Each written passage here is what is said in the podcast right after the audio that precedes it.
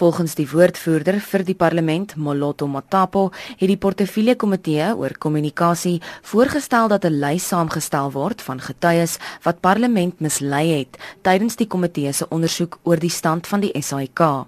Die individue het tot die einde van Julie kans om daarop te reageer. The legal services of parliament did compile such a list and uh, it gave such a list to the Speaker of the National Assembly. So one of the things that happened is that uh, the Speaker, having looked at the list and the allegations, she then requested or invited the affected individuals on the list to respond to the variety of allegations and they do so by the end of July because the, the allegations that they are faced with are very serious. Indien daar beslis word dat die getuies wel parlement mislei het, kan hulle gefonnis word tot tronkstraf, boetes of albei. Die spreker sal na die sperdatum die lys aan die portefeulje komitee oor kommunikasie oorhandig. As soon as the deadline lapses, the Speaker of the National Assembly will then hand over the entire uh, information that includes the list of those individuals alleged to have misled Parliament, as well as their responses to the communication portfolio committee so that it can further handle it. Die aantal en name van getuies wat parlement glo mislei het, sal eers na die komitee die lys ontvang het, bekend gemaak word.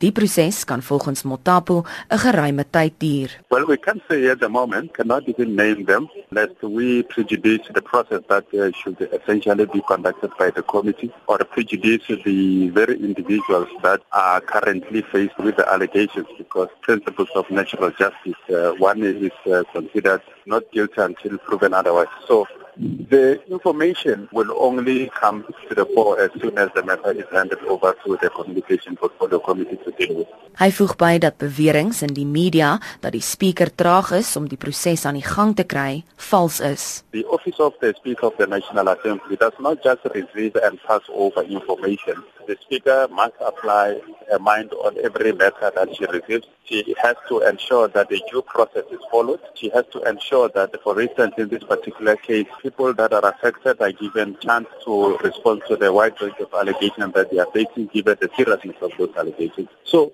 this process uh, is not a quick one, and uh, it's not an easy one. So the allegations that have been made in the media that the speaker is withholding this report or uh, seeks to sanitize it are misplaced. They are without basis. Dit was 'n woordvoerder in die parlement, Moloto Motapo. Ek is Jean Marie Verhoef vir SAK nuus.